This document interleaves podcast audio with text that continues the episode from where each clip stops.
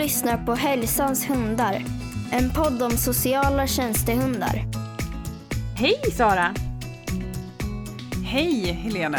Det var ett tag sedan sist. Ja, det var det. Det har ju hänt en hel del och oh my god vad vi jobbar med våran, vår, det slutskedet på våran bok kan man Ja. säga. Verkligen. Det är sista rycket nu med massa sista, sista små korrigeringar och bilder och sådär. Det är jättespännande. Ja, väldigt kul. Jag är så nyfiken på hur det här kommer att bli i slut. Eh, helt enkelt. Mm, snart åker inte på tryck. Ja. Men du, vad har du haft för dig? Utöver det? Eh, oj, eh, massor höll jag på att säga. Vi, jag håller på eh, färdigställer lokalen här för invigning. Och eh, jag jobbar ju lite för två personer just nu. Jag, nästa vecka får jag in en ny medarbetare och eh, har eh, hårt tryck både på webbshoppen och på jättemånga som vill gå kurs och jag har inte hunnit lägga ut datum på nätet. Och, ja, men det, det rullar på, det är roligt. Du brukar ju ha en mailkorg som är helt proppfull också hela tiden. Så man blir stressad av att veta. Mm. Jag har nästan utvecklat någon form av mailfobi bara för att jag, jag har sån äh, ångest över att jag vet att det är många som vill att jag ska svara på deras frågor och jag har inte riktigt hunnit med det. Men eh, jag hoppas att jag ska hinna ikapp med det också. Jag har min kära mor på besök som hjälper mig här och gör i ordning och fixar Ja, också. vad bra. Du har lite hjälp. Ja, Ja, nej, jag, här rullar det också på för övrigt. Men nej. förlåt jag är så otroligt egoistisk, jag berättar bara om mig själv. Du då, berätta lite vad, vad har hänt sen Jag sist får med dig? introducera mig själv. Nej, då, nej men det rullar verkligen på. Jag är lite trött och eh, ja, jag har spenderat helgen på fältprov med min egna hund till exempel. Med Ray, min ung hund. Eh, ja men det var roligt var det. Eh, I alla fall ena dagen, för den andra dagen så jagade hon hare och åkte ut kan man säga. Det får man inte göra, men det tyckte hon var skoj. Eh, nej, i övrigt vet jag knappt vad jag hållit på med. Vi jobbar mycket. Vi ska bjuda in till föreläsning imorgon på Stalllyckan som jag ska hålla i. För eh, ja, men det är alla möjliga människor som jobbar inom skola framför allt. Kanske att det är lite anhöriga också. Kommer inte ens ihåg det nu. Men vi ska prata lite om vårt arbete som vi bedriver när det rör just eh, samarbete med skola. Vi har en del skolelever i verksamheten. Så det sitter jag med just nu. Men du, avsnitt två är här. Ja, Ja, jätteroligt. vi tänkte ju eh, prata lite om eh, sociala tjänstehundar, lite kort i alla fall. Eh, eftersom vi faktiskt inte har en aning om lyssnarnas eh, förkunskaper. Det kanske är en del som bara är intresserade men inte känner till. Eh, de har kanske inte läst vår bok, för den har ju inte kommit än. inte ens när det här avsnittet släpps. Så det Nej, tänkte vi göra. precis. Och sen har vi ju en gäst idag. Precis, vi har Nina Fremberg som eh, besöker oss. Det är en eh, kollega till oss också kan vi säga, men framförallt så jobbar ju hon som hundförare. Eh, och med små chihuahuor. Hon har jobbat tidigare med en stor bullmastiff och hon har en till stor hund på tillväxt. Men anledningen till varför vi ville prata med henne är just för att höra om hennes erfarenheter eh, med att arbeta med en, eh, en hund av mindre storlek kan man säga. Mm. Ja, och Nina har ju varit med länge. Och vi lovade i förra avsnittet att vi bara skulle nämna vad eh, poddens namn, eh, alltså var det kommer ifrån. Så då kanske vi lika gärna kan köra det nu. Var kommer poddens namn ifrån? Ja, alltså Hälsans hundar är ju ett namn som jag registrerade eh, faktiskt redan 2008. Eh, jag jobbade då som hundförare i två olika företagsnamn. Det ena var Fadderhunden och det andra var Hälsans hundar. Och eh, anledningen till varför jag delade upp det var för att Fadderhunden var ett slags koncept där vi arbetade med hund i förskola. Och då när jag arbetade på äldreboenden så ville jag fakturera och eh, liksom marknadsföra tjänsterna genom ett annat namn och då blev det Hälsans hundar. Men sen ganska snabbt klev det över på Svenska Terapihundskolan vilket ledde till att jag, jag kunde inte ha liksom tre olika företag. Det, det blev liksom för rörigt. Så då blev det att allting tillsammans blev Svenska Terapihundskolan och då har liksom namnet Hälsans hundar har fått ligga och vila och mogna lite grann. Eh, men jag har saknat namnet jättemycket. Jag älskar namnet Hälsans hundar. Så jag är oerhört tacksam och glad över att vi har hittat en plats för det nu. Ja, och vi satt ju när vi skulle döpa podden och funderade liksom hur får man in tydligt vad det här handlar om och att det finns ju en hel del bra hundpoddar redan men den här podden är ju tänkt att handla om just sociala tjänstehundar och att man vill nå ut lite med det och det är lätt så tråkigt att bara sociala tjänstehundar, en hundpodd och så utan vi vill ju ha no någonting som, som var lite talande och då dök ju det här upp som alternativ. Precis. Och så fick det bli. Ja, Eh, så jag tycker att det passar jättebra och eh, jag hoppas att, eh, att det faller rätt för alla andra också. Ja, det får vi se. Men apropå det här med, med hälsans hundar och benämningar och rörigt och definitioner och så vidare. Mm. Det vi har tänkt att prata om i det här avsnittet är ju just sociala tjänstehundar. Wow! Vad, mm. vad är det Helena? Berätta lite. Ja men precis. Och det är ju, dels är det ju de här hundarna som vi har riktat in oss på och som vi säkert kommer prata allra mest om i den här podden eftersom det är det vi jobbar med. Och det är ju hundar som eh, jobbar tillsammans med sin förare som ett team mot eh, en annan person, en grupp personer. Eh, ofta med målinriktade insatser men inte, inte enbart. Eh, och sen finns ju assistanshundar och, och andra hundar då som jobbar mer inriktat mot sin förare. Alltså det är en stor skillnad för den hunden, för den hunden lever ju oftast också med sin förare såklart. Eh, och eh, jobbar ehm, mer hela tiden kan man väl säga. Och sociala tjänstehundar som vi kommer prata mest om och som vår bok riktar in sig på är ju den typ av hundar som oftast kallas då terapihund, vårdhund är väl de allra vanligaste va? Och sen besökshund, eh, barnhund, pedagoghund, allt det här. Ja, skolhund, fadderhund, Ja, eh, resurshund, det finns ju väldigt många olika benämningar av det. Ja men precis, och det är ju sprunget av att det inte är styrt än så länge. Eh, det finns liksom ingen, inget överhuvud över det här som roddar liksom i terminologin. Den enda egentligen definitionen som är, kan man säga nationellt antagen är ju egentligen vårdhundsbegreppet som sitter fast i en standard. Mm. Eh, och lite oturligt också just eftersom standarden är ju skriven för utbildning av eh, hund som ska arbeta inom demensvård och med personer med förvärvad hjärnskada. Så ska man hårdra det hela så är det ju så att det är där vårdhunden ska benämnas och eh, utbildas till. Sen kan det se lite olika ut möjligtvis men eh, det är, det är därför vi också eh, tänker att det är smartare att vi pratar om de här begreppen som sociala tjänstehundar just eftersom det är troligtvis en tidsfråga innan det här förändras igen, tror jag. Mm. Men alla de här benämningarna ja. Och det är också så att det vi kallar för terapihund här, eller också vårdhund, men eh, det är therapy eh, dog eller therapy animals i andra länder och det är inte alls riktigt samma nivå. Ja. Det är ofta det vi kallar besökshund här i Sverige. Så det kan ju vara lite. Och äh, besökshund kan även benämnas som visiting dog i USA till exempel. Mm. Eh, och mm. skolhundarna eh, benämns som school dogs eller Schulhunde i, eh, i eh, Tyskland vad jag förstår.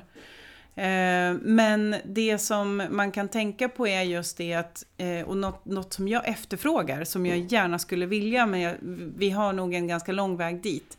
Det är ju att vi egentligen försöker sluta benämna de här hundarna som en massa definitioner och namn och att vi faktiskt tittar på vad det är de gör.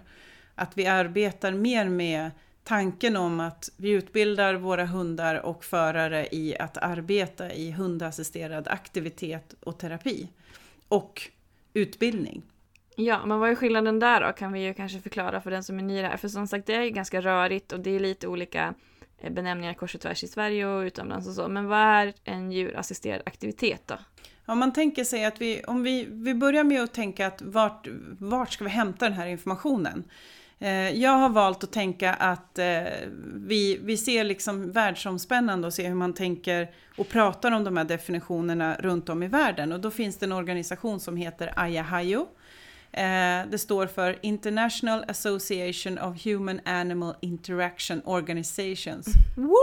Det är himla långt namn. Det är Ja, jättelångt. därav Ayahayo, det är lättare att säga. Ja, precis. Så att eh, Ayahayo är i alla fall eh, benämningen på det då. Och de har tagit fram ett dokument som heter White Paper. Eh, där man har gjort en definition av de här olika typerna av eh, arbetssätt. Eh, och eh, Animal Assisted Activities som det heter och det vi kallar för då hundassisterad aktivitet. Det är en, en, eh, en aktivitet som eh, inte är speciellt välplanerad utan det är ett besök kan man säga. Som inte behöver dokumenteras och utvärderas utan man, man arbetar mer med motivation och eh, livskvalitet kan man säga. En klapp och kel hund som givetvis är, är lämplig och eh, utbildad för att klara av olika situationer. Men, men det finns inte kanske så jättehårda krav på exakt vad hunden ska kunna utan eh, den ska vara miljöstabil och social helt enkelt. Ja, inte så mycket faktiska moment som den måste kunna utöva. Nej, inget mer än egentligen en bra vardagslydnad. Att den ska kunna ta emot godis fint, den ska kunna gå fint i koppel och den ska kunna liksom eh, ja, men interagera och samspela givetvis med deltagare. Mm, Sen har vi den andra definitionen som är hund, eller animal assisted therapy som är då det vi kallar för en eh, hundassisterad terapi. Herregud, det är rörigt där. Eh, och det är då mer en målinriktad verksamhet som är ett eh, formellt besök där man har en, en välarbetad plan för eh, interventionen helt enkelt. Och den ska också dokumenteras och utvärderas. Så den är liksom mer på en, en annan nivå. ja, det kan vara- målinriktad. Ja, exakt. Och det kan då vara till exempel att öka läsförståelsen hos ett barn eller det kan vara att eh, våga ta sig eh, utanför ytterdörren om man har social fobi till exempel. Eller det kan vara att öka gemenskapen i en grupp på ett äldreboende. Det kan vara väldigt, väldigt varierande. Eh, men det ska då finnas en tydlig plan och det dokumenteras och utvärderas. Och sen har vi då den tredje delen som eh, heter Animal Assisted Education. Och det är det vi kallar för hundassisterad pedagogik. Eh, och där är det ju då också ett väl planerat målinriktat besök på en skola till exempel eller en pedagogisk inrättning kan man säga. För det behöver inte prompt vara skola. Det kan ju vara eh, en daglig verksamhet eller vad det nu kan vara helt enkelt. Men det ska vara eh, undervisande eh, karaktär i alla fall. Eh, och det och ska också dokumenteras och utvärderas eh, i den verksamheten. Då. Mm. Så det är liksom arbetssättet som, eh, som vi beskriver här då. Ja men och Ayahayo delar väl in det här också att de sista du nämnde, terapi och pedagogik och det här, att det kallas för eh, djurassisterade eller hundassisterade interventioner. eh, För att täcka det. För det finns väl också inom samtal Just det, eh, som en liten egen gren. Som, precis. ja. Eh, det är ju Animal Assisted Therapy in Counseling, heter det. Och det är det, Mm. Och rådgivning kanske inte är vad vi slänger oss i sådär i vardagsspråk här i Sverige och därför är det väl lämpligt att tänka att det är i samtal. Precis, så i boken till exempel har vi benämnt den definitionen som hundassisterad terapi i samtal. Mm, och då är det ju ofta då att föraren är utbildad terapeut eller psykolog Ja, och använder Precis. hunden för att skapa ett tryggt rum.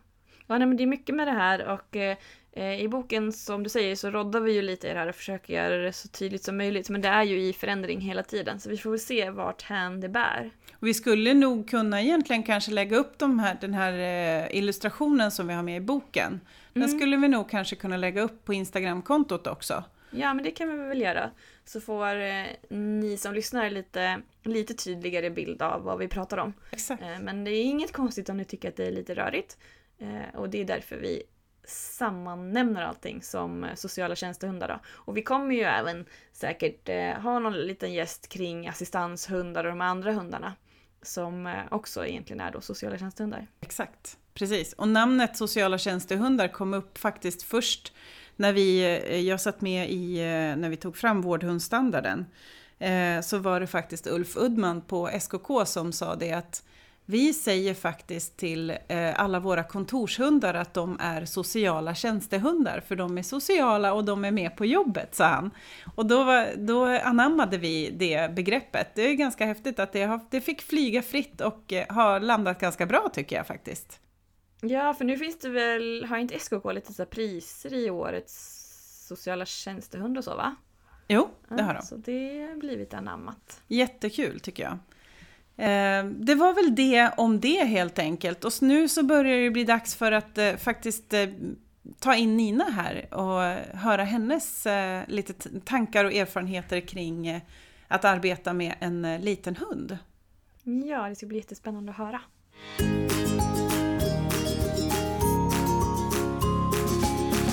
Nu kommer vår gäst.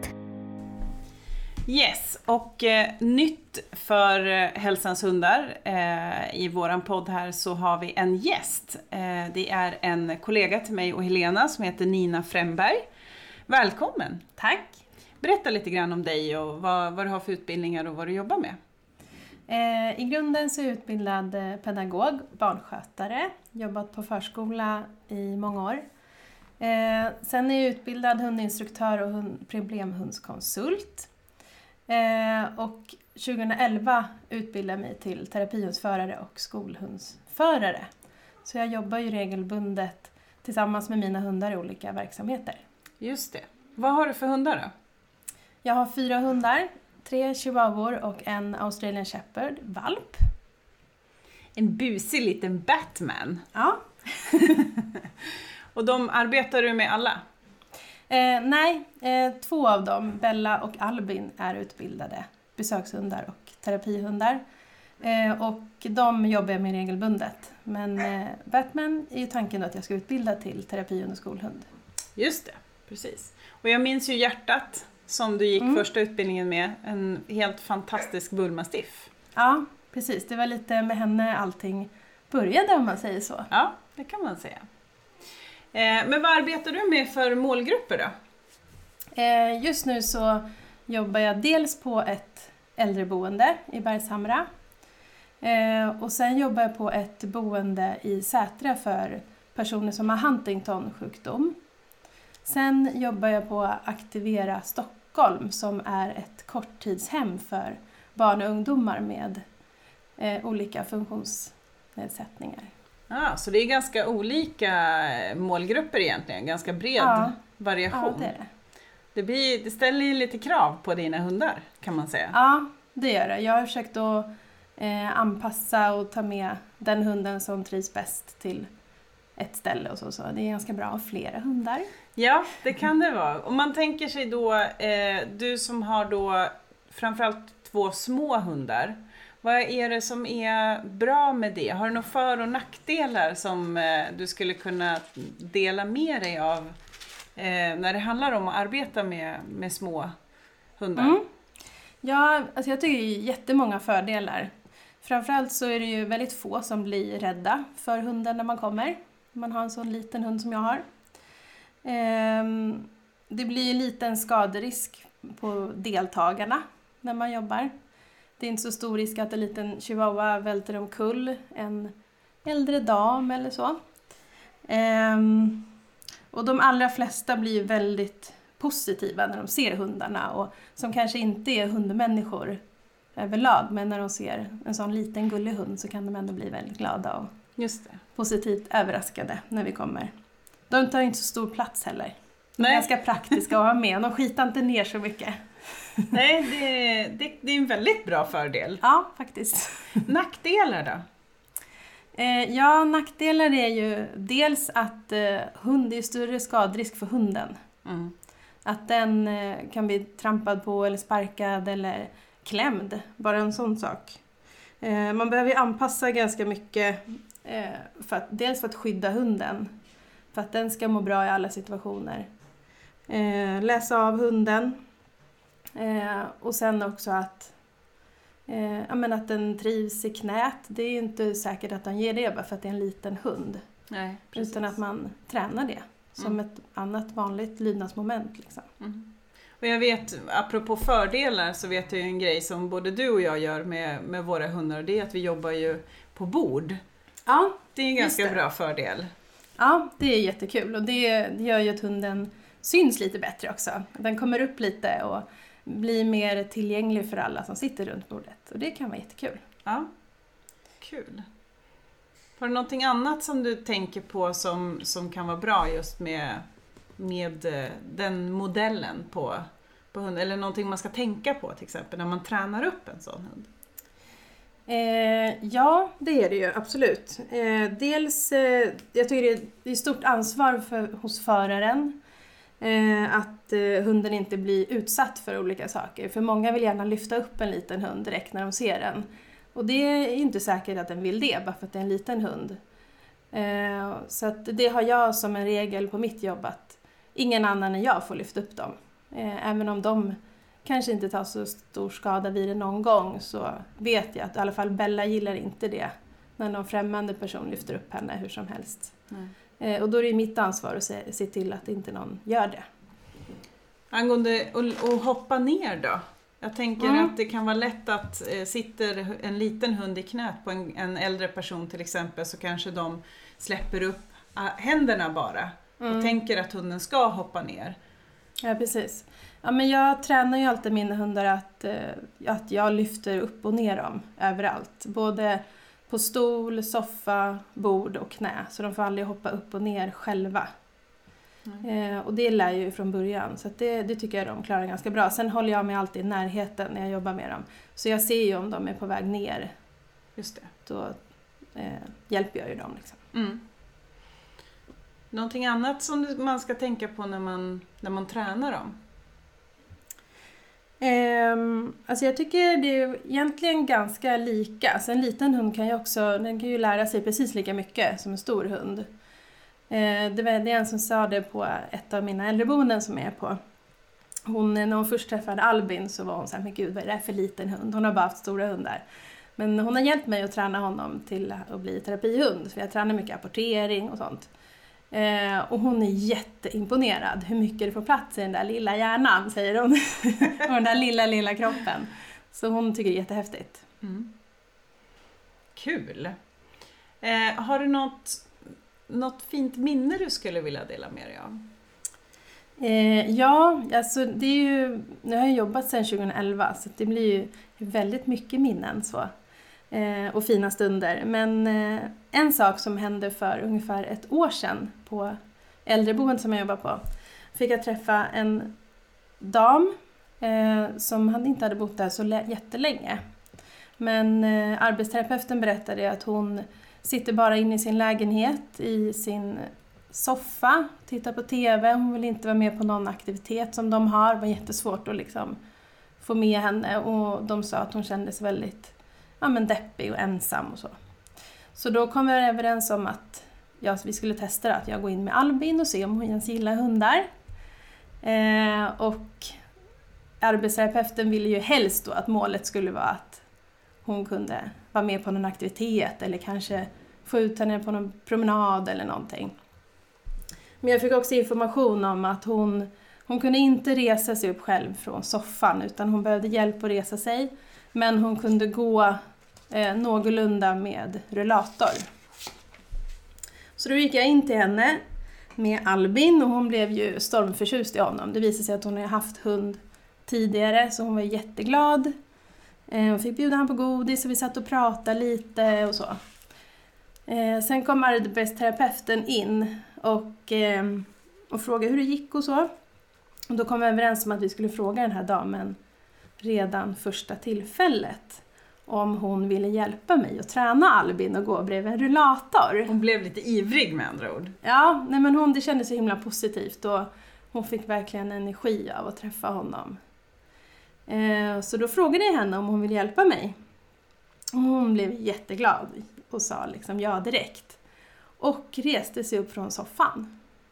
Det är ju helt otroligt. Ja, arbetsterapeuten hann inte ens runt och hjälpa henne. Helt plötsligt stod hon där bara helt redo att hjälpa mig att träna Albin. Så det var helt fantastiskt. Så det minnet kommer jag ju bära med mig. Jag vet att du nämnde också precis innan vi satte oss att det var faktiskt även ett annat minne som är ganska nytt Mm. som eh, du också gärna skulle vilja berätta. Vad var det då? Ja, det var, jag jobbar ju på korttidshem för barn och ungdomar. Eh, och då kom det ett barn som hälsade på, som ska börja där. Eh, och det var ju första mötet.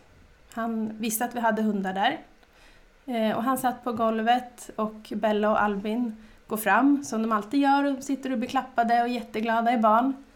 Eh, och då berättar han att han har haft mycket ångest i sitt liv, han är deprimerad i perioder. Eh, och så säger han samtidigt att men med er hundarna, då kommer jag ju inte vara deprimerad en enda dag. Wow. Så det tyckte jag var så fint, att liksom, han kände inte ens hundarna. Och ändå kände han en så positiv känsla. Vad häftigt. Mm. Superkul. Jättekul. Är det någonting annat du skulle vilja ehm, passa på att ta upp när vi ändå får chansen att få höra om dina erfarenheter? Eh, ja, nu har jag två hundar som jag jobbar med, två små hundar.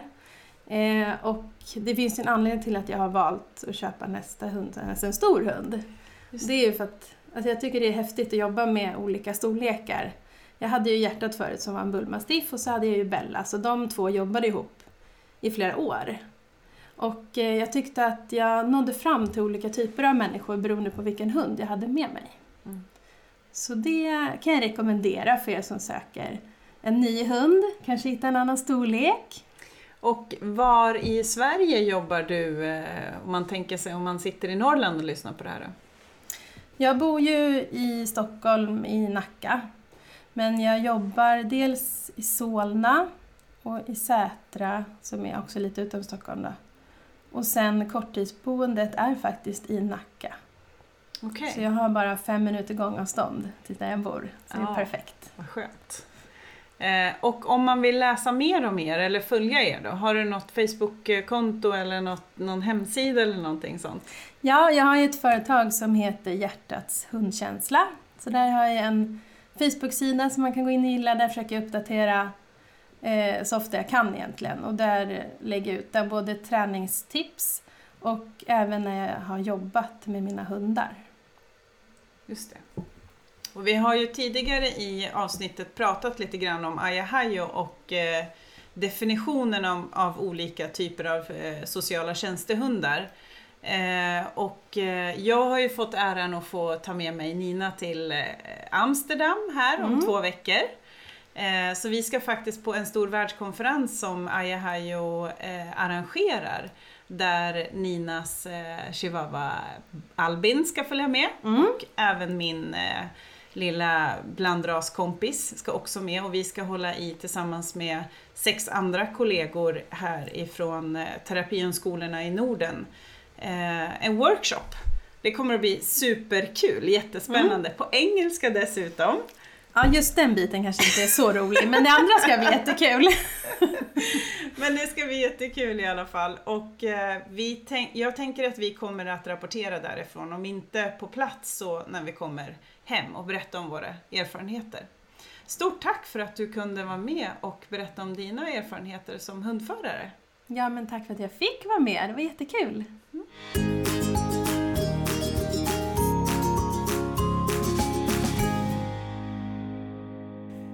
där, vad trevligt det var att få höra lite om Ninas eh, erfarenheter och att arbeta med en liten hund. Ja men verkligen. Och jag tycker verkligen att det är så viktiga detaljer att lyfta. Alltså skillnaden mellan stor och liten hund och kanske då speciellt att det är väldigt särskilt speciellt att ha liten hund så att säga.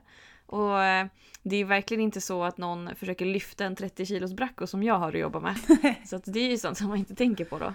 Nej, jag kan tänka mig att det, är, det, det blir så otroligt speciellt när man sätter sig in i det när man själv har kanske lite större hundar. Jag som har en liten och en stor, jag förstår precis vad hon menar med just det här med att man använder hundarna på två helt skilda olika sätt. Eh, och de är ju också bra på olika saker.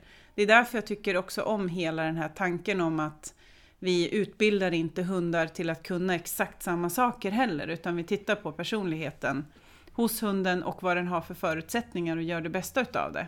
Ja men och som hon sa också att den lilla hunden kan ju lära sig samma saker, apportera och snurra och rulla runt och så. Det är inte där skillnaden ligger utan det är ju mer hur man jobbar runt omkring. Och att jag sätter inte mina hundar i knät på samma sätt men behöver heller inte eh, akta mina hundar på riktigt samma sätt. Så det är ju verkligen olika saker att tänka på. Ja, men precis. Men är det folk som vill lyfta upp kompis och så också?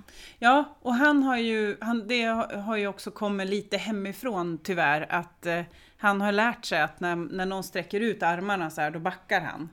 Eh, mm. så han har, liksom, han har hittat en strategi för det, vilket i och för sig är tur för mig, därför att han, han hamnar inte i greppet hos så många. Utan Nej, jag, han räddar sig själv lite grann i den situationen om inte jag står exakt bredvid. Men jag brukar göra så att eftersom kompis är lite, lite större än vad chihuahuorna är, han väger ju 5 kilo, så brukar han kunna hoppa upp. Jag sätter mig på huk bredvid någon och då kan han kliva upp på mina knän som en trappa kan man säga. Mm. Eh, och så kan han hoppa upp själv. Det, jag gillar liksom den idén om att han självmant får hoppa upp i knät på någon också. Eh, men han gör det med hjälp av mig och med stöd av mig, att jag sitter nära. Ja men precis, och inte från ett halt golv. Men Nej. du, när du säger också att det kommer hemifrån så kanske vi bara ska förtydliga att det är för att du har barn. Ja. Eh, alltså det är inte så att du springer eller runt hemma så och låter folk lyfta någon där. Nej. Det kommer ju av att man lever ihop med barn som hittar på grejer. Exakt, precis. Och de vill ju jättegärna lyfta honom, vilket de inte får. Eh, och eh, det, egentligen så vill de ju krama och, och göra allt möjligt sånt liksom. Och det, det är klart att man är inte alltid med till 100 procent. Så att han har, liksom, han har hittat ett format som funkar för honom. Eh, och det tar ju han givetvis, de erfarenheterna tar han ju med sig.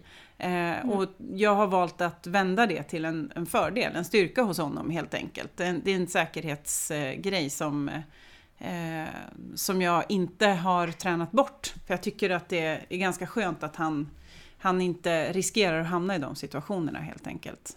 Nej men det är ett sätt för honom att tala om att nej tack. Medan när du frågar vill du kliva upp via mitt knä? Ja, ja tack. Eller fortfarande ja, men, nej, ja precis. Och jag kan säga 100% eh, av 100 så väljer han ju att hoppa upp. För det är det bästa han vet. Så mm. det är bara det att han tycker ju att det är lite läskigt. Och, och det kan man faktiskt ta med sig tänker jag. att det är nog inte så många hundar som tycker det är kul att flyga bara helt plötsligt. Eh, för det får man ju faktiskt kanske tänka på att när vi väljer att sätta våra händer runt bröstkorgen på en hund och bara helt plötsligt lyfta upp den så betyder det att den flyger sin fulla mankhöjd flera gånger om. Liksom. Eh, och det kan nog vara ganska läskigt. Ja men och där kan man verkligen ta med sig att man kan träna hundarna i någon form av startsignal. Alltså jag håller fram mina händer på ett visst sätt och den får bjuda in till att bli lyft. Eller som du gör då att den får gå via ens knä eller sådär. Att man inte bara eh, rycker tag i den som hunden kan uppleva det, även om vi vet vad vi är på väg att göra. Eh, så blir det ju tydligare situation för hunden. Så det handlar ju om deras välbefinnande mm. och att de ska kunna hantera, eller vad heter det, klara av situationen. Och det är ju sådana här små detaljer som är viktiga att, att ta med helt enkelt och i träningen. Mm.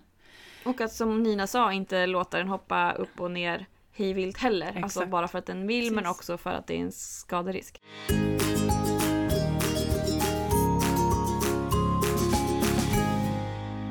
Utmaningen. Nu tänkte vi introducera en eh, ny grej här i Hälsans hundar, eh, en podd om sociala tjänstehundar. Eh, vi ska ha någonting som kallas för Utmaningen. Berätta lite Helena vad veckans eller avsnittets utmaning handlar om den här gången. Ja, vi tänkte ju då att vi ska skaffa oss en liten utmaning och kanske köra lite via Instagram och Facebook och att man då kan hashtagga Hälsans hundar eller Halsans hundar eh, i Instagram. Eh, där alla ni som lyssnar får lite kanske inspiration att träna och att ni jättegärna får lägga upp då klipp när ni tränar och kanske på slutresultatet. Och den här veckan... Och glöm då inte att hashtagga. Nej, precis. Enkelt. Glöm inte hashtagga. Och att eh, som på Instagram och sådär att vi måste, det måste vara ett offentligt inlägg för att vi kan inte se annars. Just det. Eh, ja, eh, men hur som helst så tänkte vi den här gången köra på eh, en form av impulskontrollträning för det är ju väldigt mycket av den varan när vi jobbar med sociala tjänstehundar. Eh, och då är det utan nej, så att vi vill inte hålla på och neja och, och fya och korrigera hunden eh, i den bemärkelsen. Och det hänger ihop både med hundträningen, att hundträningen ska vara rolig, men också när vi jobbar med deltagare att många kan hänga upp sig på att det låter väldigt negativt när det blir nej. Man jobbar med dementa, att de kan börja upprepa det ordet och sådär. Så vi tänkte börja jobba med lite impulskontroll. Utan eh, korrigeringar då. Eh, och i den här övningen så kommer hunden få helt enkelt lära sig av sin egen konsekvens, det gör de ju alltid. Men vi kommer introducera en belöning och vi kommer göra det så pass lätt att hunden klarar av det och att hunden kan hålla sin position. Och den kommer få ta sin belöning när den är stilla helt enkelt, när den väljer bort den. Eh, och vi kommer lägga upp ett litet klipp på det här på vår Instagram och på vår Facebook-sida så att ni kan se exakt eh, hur övningen eh, ser ut. Precis. Det här är en träning som är otroligt viktig och väldigt användbart i, i vårt jobb helt enkelt. Så vi tänker att vi startar och eh, kör en sån här basic-övning som eh, vem som helst kan träna och det här är också färskvara så att det är, ni som redan har en bra impulskontroll på era hundar kan också faktiskt göra det. Ja, det går ju att variera jättemycket och det går att försvåra jättemycket. Så det kan vi också faktiskt skulle kunna göra ett litet klipp om.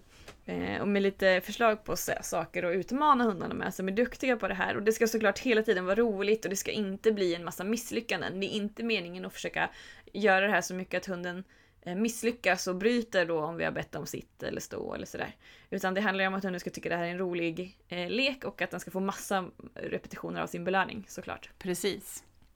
Vad kul! Mm. Eh, vi kommer som sagt var lägga upp den här på våran, vårt Instagramkonto och eh, glöm som sagt var inte att hashtagga eh, Halsans hundar eller Hälsans hundar. Eh, det var väl allt för idag Helena. Vad, vad ska du göra resten av den här veckan? Ja, jag ska väl eh, jobba lite och planen är att jag ska gå en kurs i helgen faktiskt. Men jag ska nog försöka ta det lite lugnt för jag är lite sliten som jag gnällde för dig om innan vi började spela in. Så jag ska nog faktiskt lyssna på, på kroppen också och försöka ta det lite lugnt. Vad ska du hitta på? Ja men jag har ju invigning i mina nya lokaler här Men imorgon. Just det. Eh, det här avsnittet spelas in faktiskt i oktober och eh, det är, ska bli jättespännande att se hur många som eh, kommer. Mm. Och sen så har jag, ska planera för att jag får en ny medarbetare nästa vecka. Mm. En Mikael, så att det ska bli superkul faktiskt att göra klart allting. Jag har jobbat som bara den hela dagen idag och kommer att göra imorgon också med att färdigställa lokalen så att det blir fint. Åh, vad häftigt. Det ska bli kul att höra om hur det blev hoppas det kommer mycket folk. Ja, det hoppas jag också. Ja. Men tills eh, nästa avsnitt så ska vi kanske säga hej då och vi hörs igen helt enkelt. Ja, det gör vi. Bra. Ha det så ha bra. det gott. Hej, hej. hej, hej.